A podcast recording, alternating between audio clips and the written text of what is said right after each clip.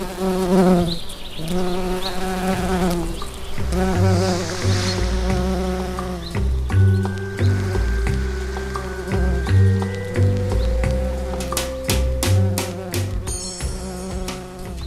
sommarprat ska jag berätta om händelser som jag stött på i olika delar av världen och vilka också påverkat mig mer eller mindre.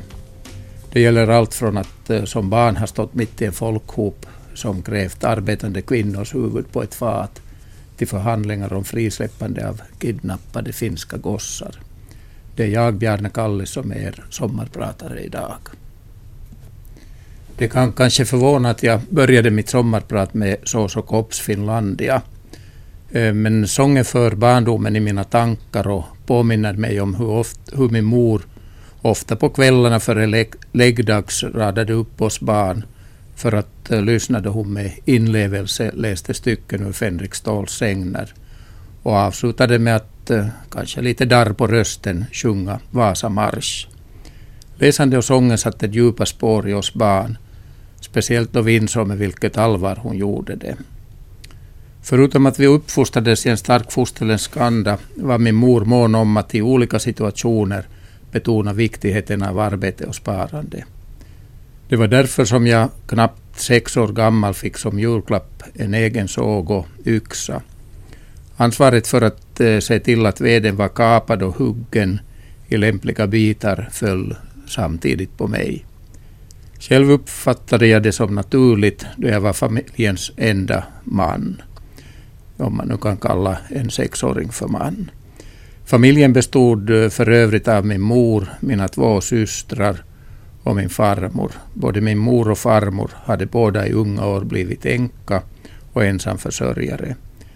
Min mor dessutom med tre barn i åldern tre månader till tre år.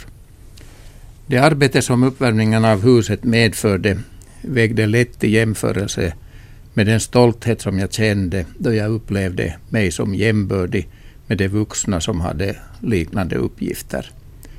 Det att yxan följande sommar tog en bit av mitt finger eh, stärkte egentligen bara mitt ego. Respekten för arbete föll i god jord och det har följt mig livet igenom. Jag tror också att det var just det som gjorde att jag som knappt 11-åring kände mig främmande i den folkhop som i mars 1956 hade samlats utanför en arbetsplats. Eh, utanför en arbetsplats där strejkbrytande sömmerskor arbetade. Landet hade ju som känt drabbats av generalstrejk och rykte om att det fanns strejkbrytare i centrum av staden hade spritt sig. Det var vanligt att vi barn av nyfikenhet alltid sökte oss till platser där något hände så fann jag mig också mitt i hopen där ropen kusipäät ulos skallade. Hetskheten var uppenbar och jag kunde bara inte förstå varför aggressiviteten riktade sig mot kvinnor som arbetade. Upproret slutade i att kvinnorna med ansiktet dolt i filtar kom ut och steg in i en skåpbil som körde iväg medan en del av folkhopen springande försökte följa bilen. Eh, Redan i min tidiga ungdom var det med stort intresse som jag tog del av äldre personers berättelser ur deras eget liv. Det slog mig hur olikt livet gestaltat sig för de människor vars historia fick, jag fick ta del av. Jag fick under gymnasieåren jobba tillsammans med en man som hade varit soldat i ökenreven Rommels armé och krigat i Afrika. Vid varje lämpligt tillfälle hade den här mannen alltid något spännande att berätta om från den tiden. Då jag tänker på alla de berättelser som människor med olika bakgrund berättat kommer följande sång i mina tankar. Inte har jag bott vid någon landsväg men jag har nog sett och hört människor komma och gå det var därför jag valde den här sången. Eh, Före sången berättade jag om hur arbetet betonades i mitt barndomshem. Respekten för arbete på både gott och ont har följt mig hela livet. Under skoltiden jobbade jag som bland annat eh, sågarbetare, hamnarbetare och fabriksarbetare. På vintern var jag åter söndagsutdelare vid posten. Eh, som tidningsutdelare blev jag också medveten om vilka politiska sympatier hushållen hade i mitt eh, utdelningsdistrikt. Söndagstidningarna var nämligen Kansanotiset, Sosiaalidemokraatti, Helsingin Sanomat, Uusi Suomi och Hufvudstadsbladet, vilka alla var officiella eller inofficiella språkrör för landets politiska partier. Och någon gång förvånade, förvånades jag över eh, några vissa hushålls politiska åsikter eller sympatier. För att efter studenten kunna finansiera studierna gällde det att söka sig till sådana jobb där det fanns möjlighet att jobba mycket övertid och förtjäna mycket. Eh, de jobben fanns i Sverige där jag jobbade två somrar. Tack vare jobb utanför den ordinarie arbetstiden blev inkomsten på en av arbetsplatserna riktigt furstlig. Jag brukar ofta säga att det var ungefär som dagens ministerlön. Förutom att förtjänsten var god var ett av sommarjobben dessutom mycket intressant.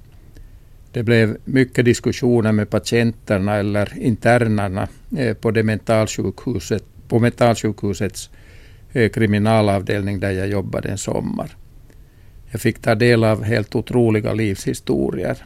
Bland patienterna fanns allt från massmördare till kleptomaner. Eh, det som de alla förargade sig mest över var att eh, de visste och de hade meddelats om att de kan utskrivas först när de är friska. De flesta av dem ansåg sig ändå vara fullt friska. Till mina uppgifter var att sysselsätta och kanske också underhålla de patienter som måste hållas inlåsta på avdelningen. Med en av patienterna blev det mycket diskussion och han märkte att jag ställde mig något skeptisk till alla hans bravader.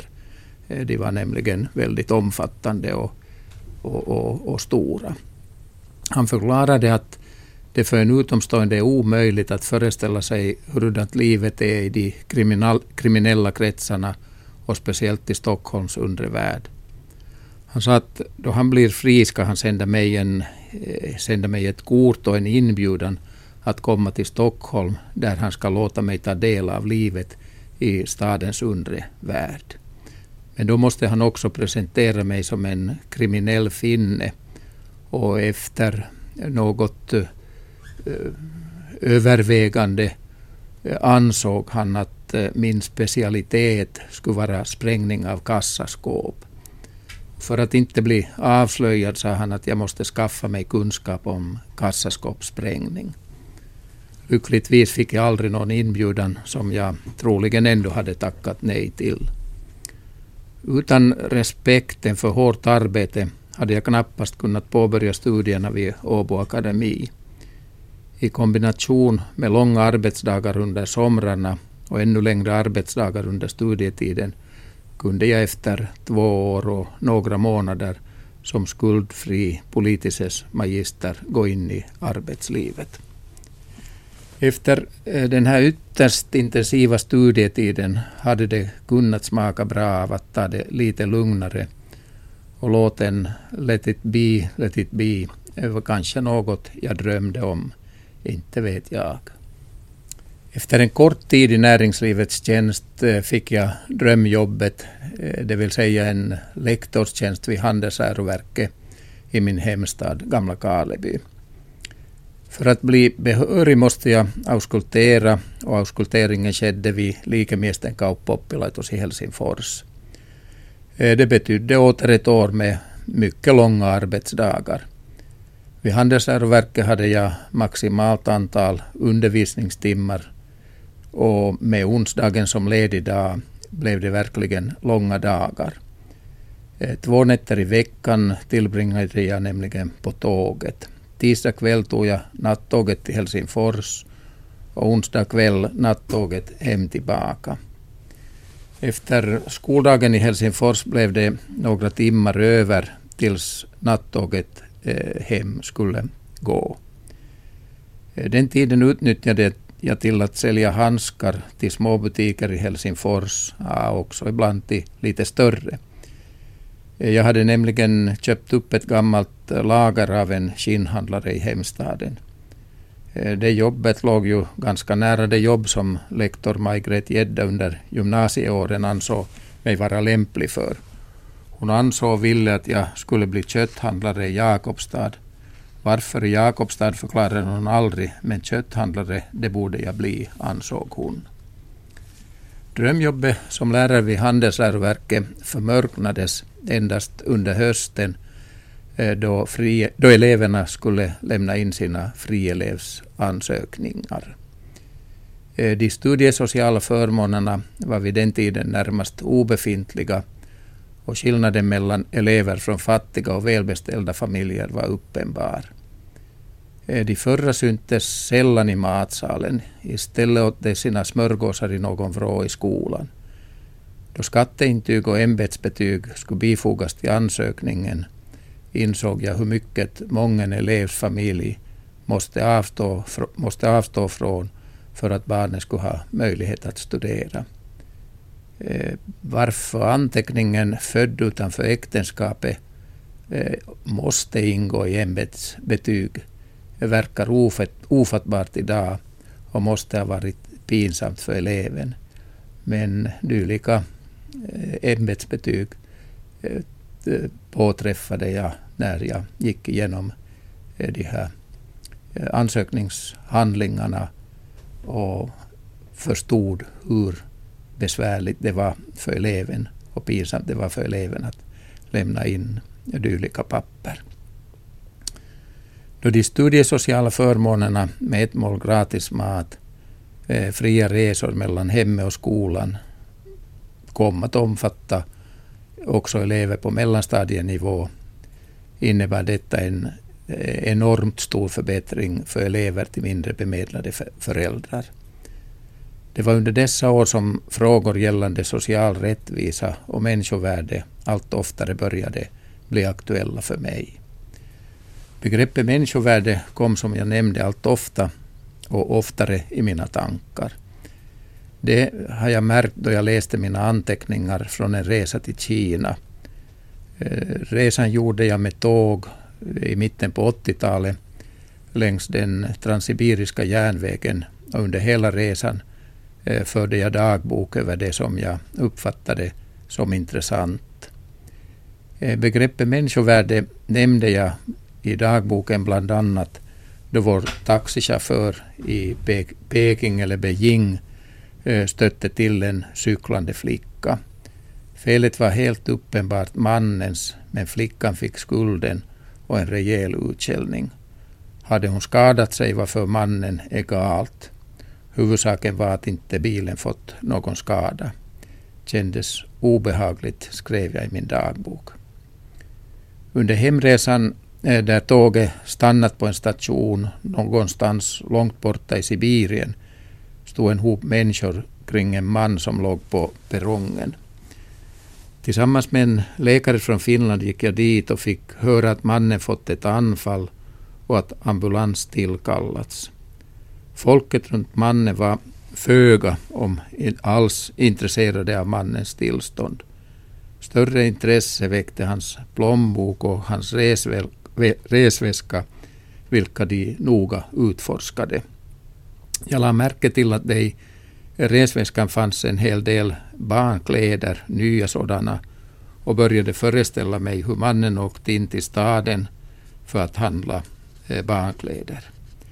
Hemma väntade antagligen frun och barnen på att mannen skulle komma hem med presenterna.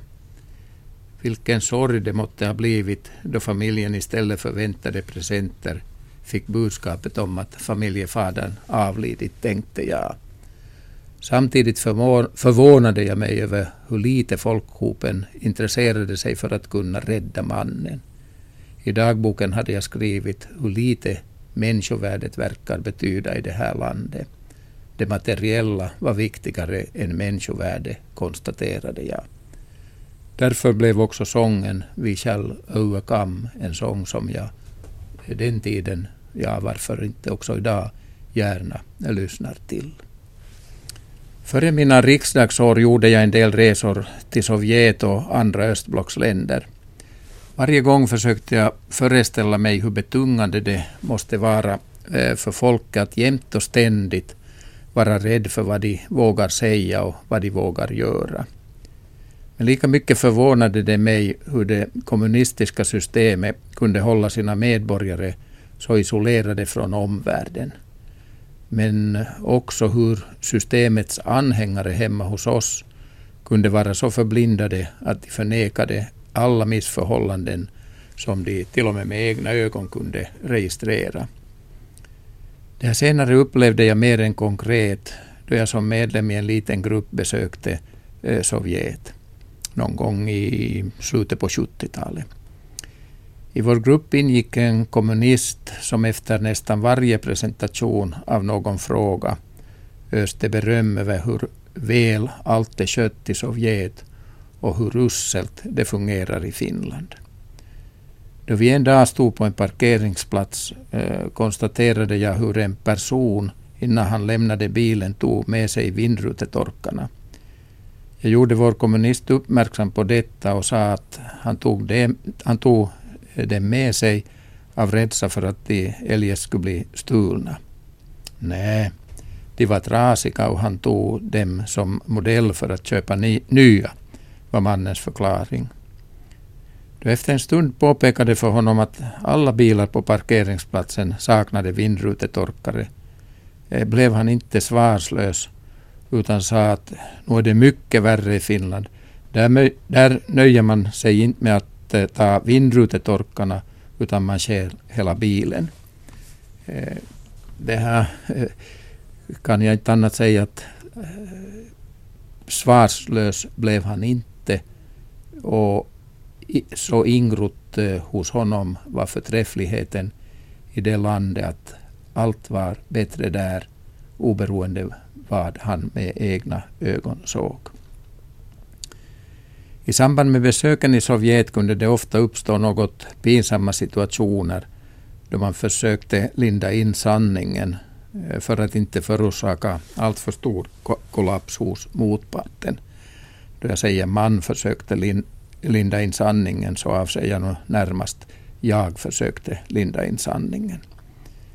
En sådan pinsam situation uppstod då jag tillsammans med några rektorer från olika yrkesläroinrättningar deltog i ett seminarium i Litauen.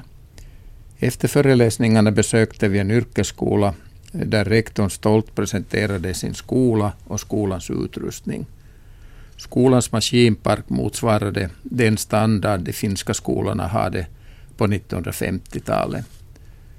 Trots rektorns uppenbara stolthet över sin skola verkade han ändå inte vara helt säker på hur standarden i hans skola var i förhållande till standarden i vår, i vår skola i Finland.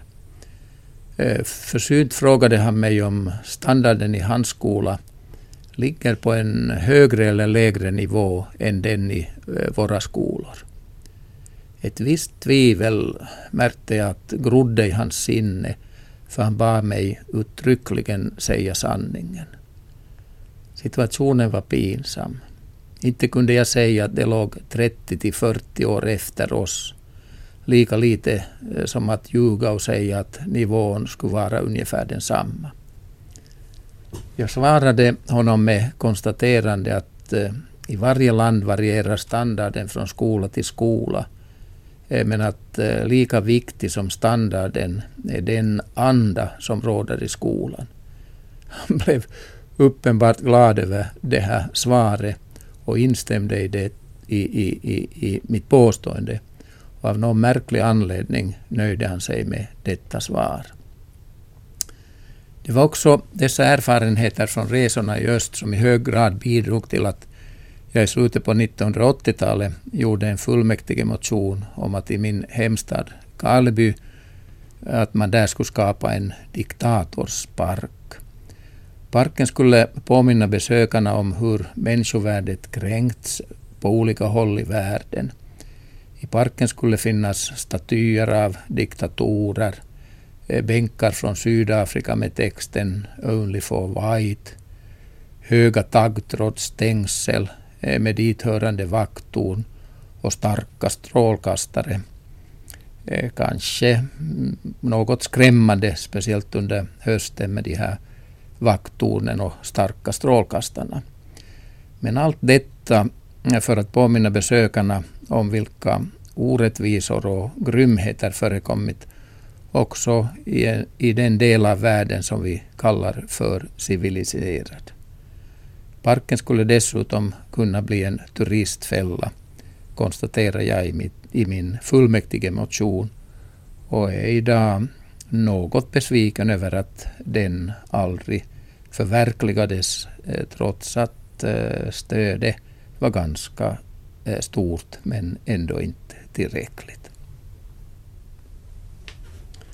Den här sångens budskap, Don't worry be happy, får inte Eh, uppfattas fel.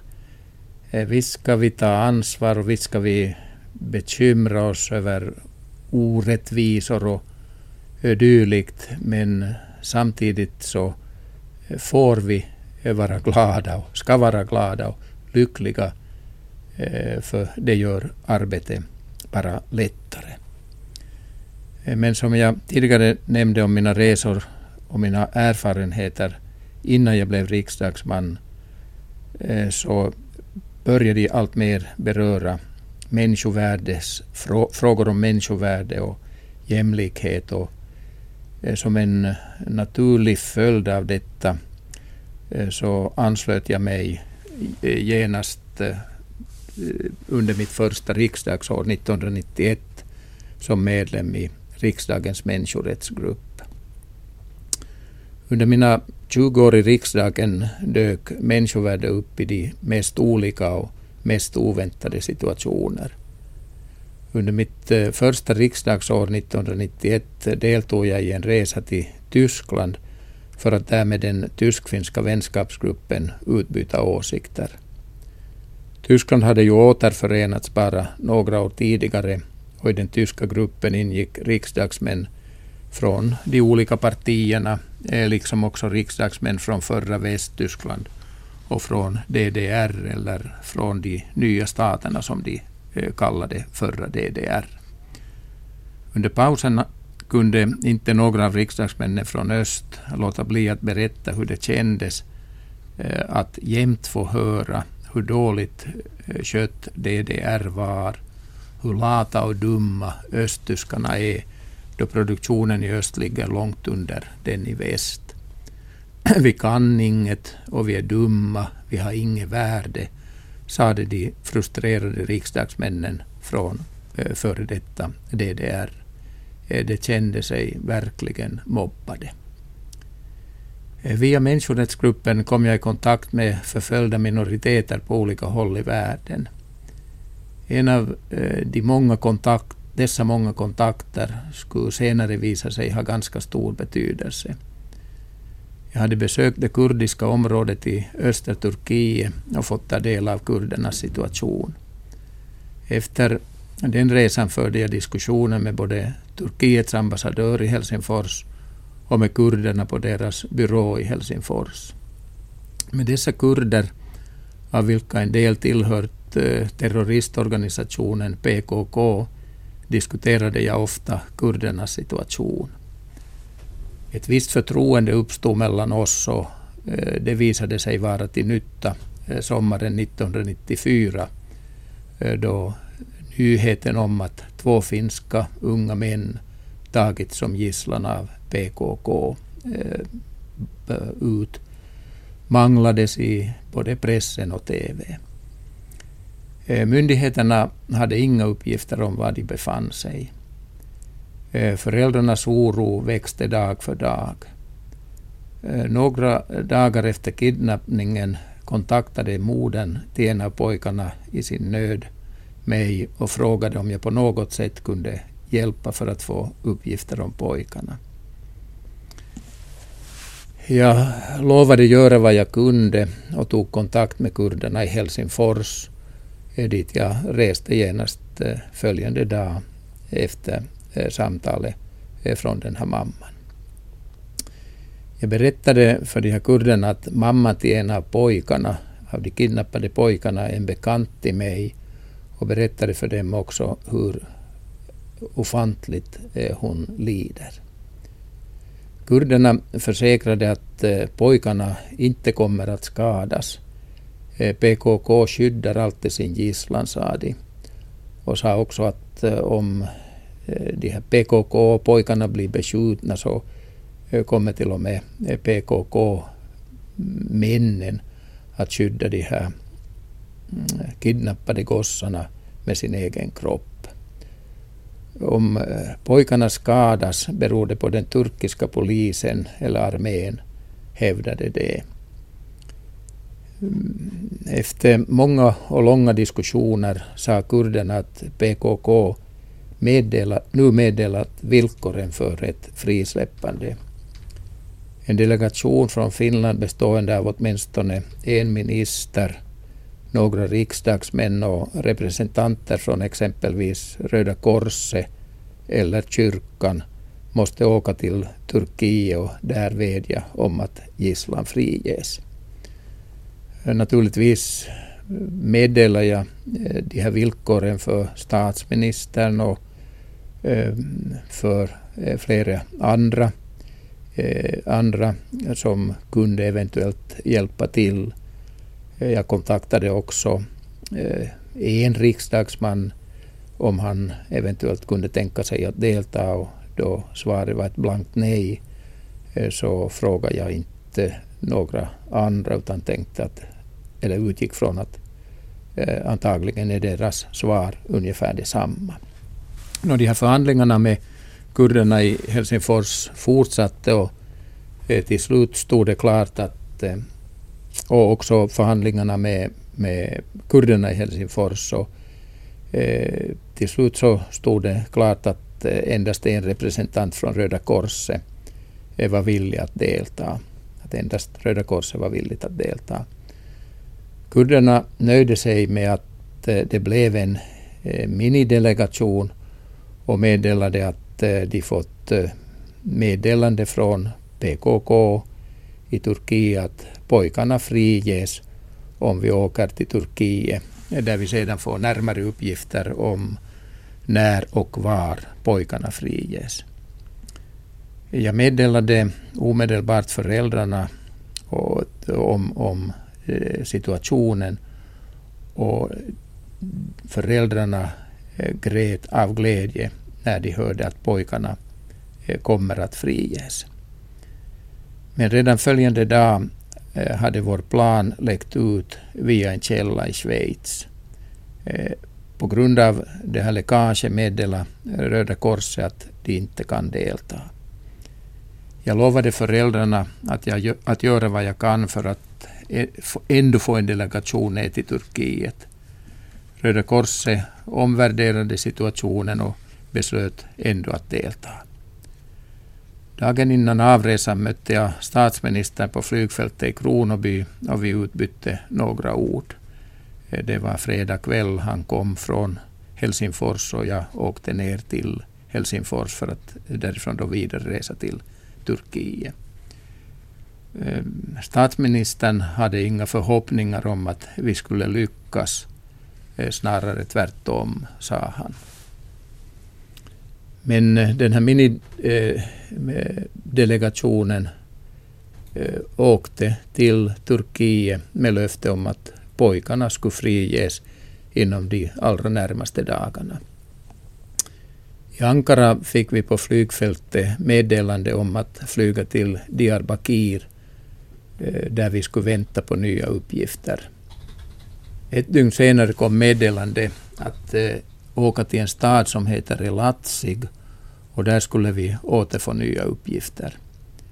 I Elatsig kontaktade biträdande polischefen oss och sa att polisen har snappat upp meddelanden som PKK sänt Eh, och att eh, eh, gruppen med gisslan befinner sig strax utanför staden. Han förklarade att det är flera grupper av de här terroristerna och de sänder meddelande till varandra och ett av de här meddelandena tyder på att de är ganska nära staden. Och efter det här började vimla poliser i uniform och civilkläder på hotellet och utanför. Eh, jag var med jämna mellanrum i telefonkontakt med kurderna i Helsingfors och de sa att det är helt omöjligt att frige pojkarna eh, då det vimlar av poliser kring hotellet som de uttryckligen eh, utformade. Vid det laget var jag ganska irriterad.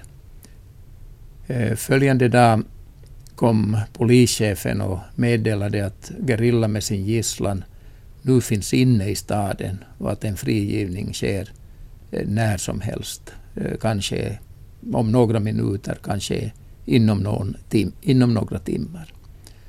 Men ingenting skedde. Det blev kväll och på natten kom ett anonymt telefonsamtal om att pojkarna frigetts. På morgonen när vi eh, gick ut från rummen ner till hotellaulan syntes inte en enda polis på hotellet.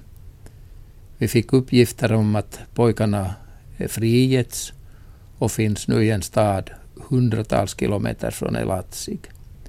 Gerillan hade totalt vilselett polisen och fått den att koncentrera sina styrkor till Elatsig. Vi åkte till pojkarna åtföljda av ett militärfordon med, med beväpnade män på flaket. Sedan hade vi poliseskort till Ankara.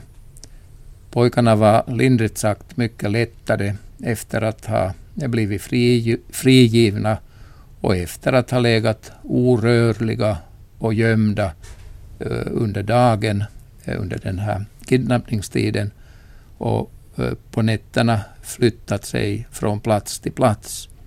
Och dessutom hade de blivit ett par gånger beskjutna. Kontakten med kurderna i Helsingfors höll jag intakt, men i en turkisk tidning utmålades jag som medbrottsling i PKK. Enligt tidningen finansierar PKK sin verksamhet med knarkhandel och jag nämndes som en suspekt person i den härvan. Eh, med anledning av detta kontaktade jag Turkiets ambassadör i Helsingfors. Han beklagade detta men sa sig inte kunna göra något åt saken och att jag inte ska ta det så allvarligt. Eh, tidningens spridning är så liten, sa han. Inte var jag nöjd med hans svar, men insåg samtidigt att det inte gagnar till någon nytta att eh, bekymra sig över detta. Och eh, så här senare så har jag också tyckt, eller anser jag att jag gjorde det riktiga att inte börja rota i den saken. För likhetens skull kan jag ju konstatera att eh, när Putin i Finland, president Putin i Finland eh, fanns eh, antecknad i register över misstänkta personer, eh, suspekta personer, så eh, tog han det med eh, eh ironi. Eh, jag gjorde ungefär detsamma, kanske inte med lika stor ironi, eh, 1994. Men eh, eh, nu ska jag nu inte på något sätt, eller jag vill inte på något sätt jämföra mig med, med Putin, men eh, kan ändå konstatera att om det nu skrivs illa om en, så ifall det nu är totalt borta från sanningen och att alla som läser det i det egna landet förstår att det har ingenting med sanningen att göra, så inte behöver man desto mer oroa sig över dylika saker. Jag vill avslutningsvis konstatera att eh, mitt liv efter att jag lämnade riksdagsarbete har inte märkbart förändrats. Tidigt upp och sent i säng gäller allt fortfarande. Om jag vaknar efter klockan sex så har jag den uppfattningen att jag har försovit mig och går med dåligt samvete en kort stund. Politiken och samhällsfrågorna har inte blivit mindre intressanta. Några planer på att bli pensionär på heltid eller ens halvtid har jag inte. Det finns allt för många intressanta uppgifter inom företagsvärlden som jag engagerat mig i. Och i Finland som valens förlovade land ges det ju nästan varje år en möjlighet att söka sig tillbaka till det politiska livet om det så lockar.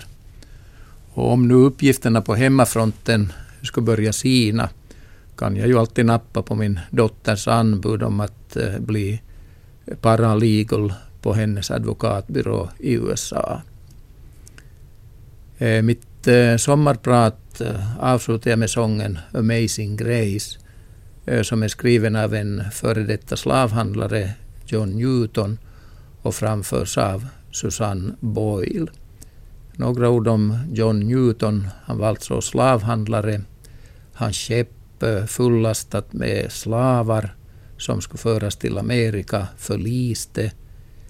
Alla klarade sig och efter den här händelsen förändrades John Newtons liv totalt. Han lämnade slavhandlande. Han blev en djupt brinnande kristen, utbildade sig till präst och har skrivit många vackra andliga sånger.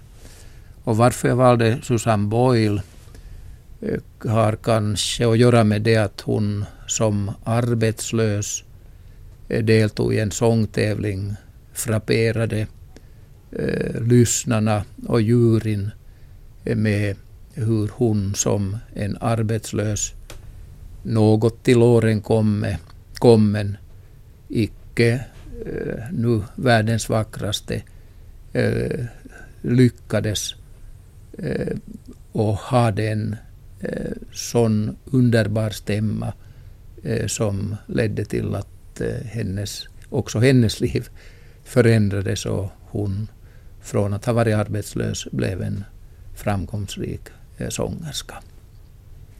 Eh, jag eh, tillönskar alla en trevlig sommar och eh, tackar för att jag fick vara er eh,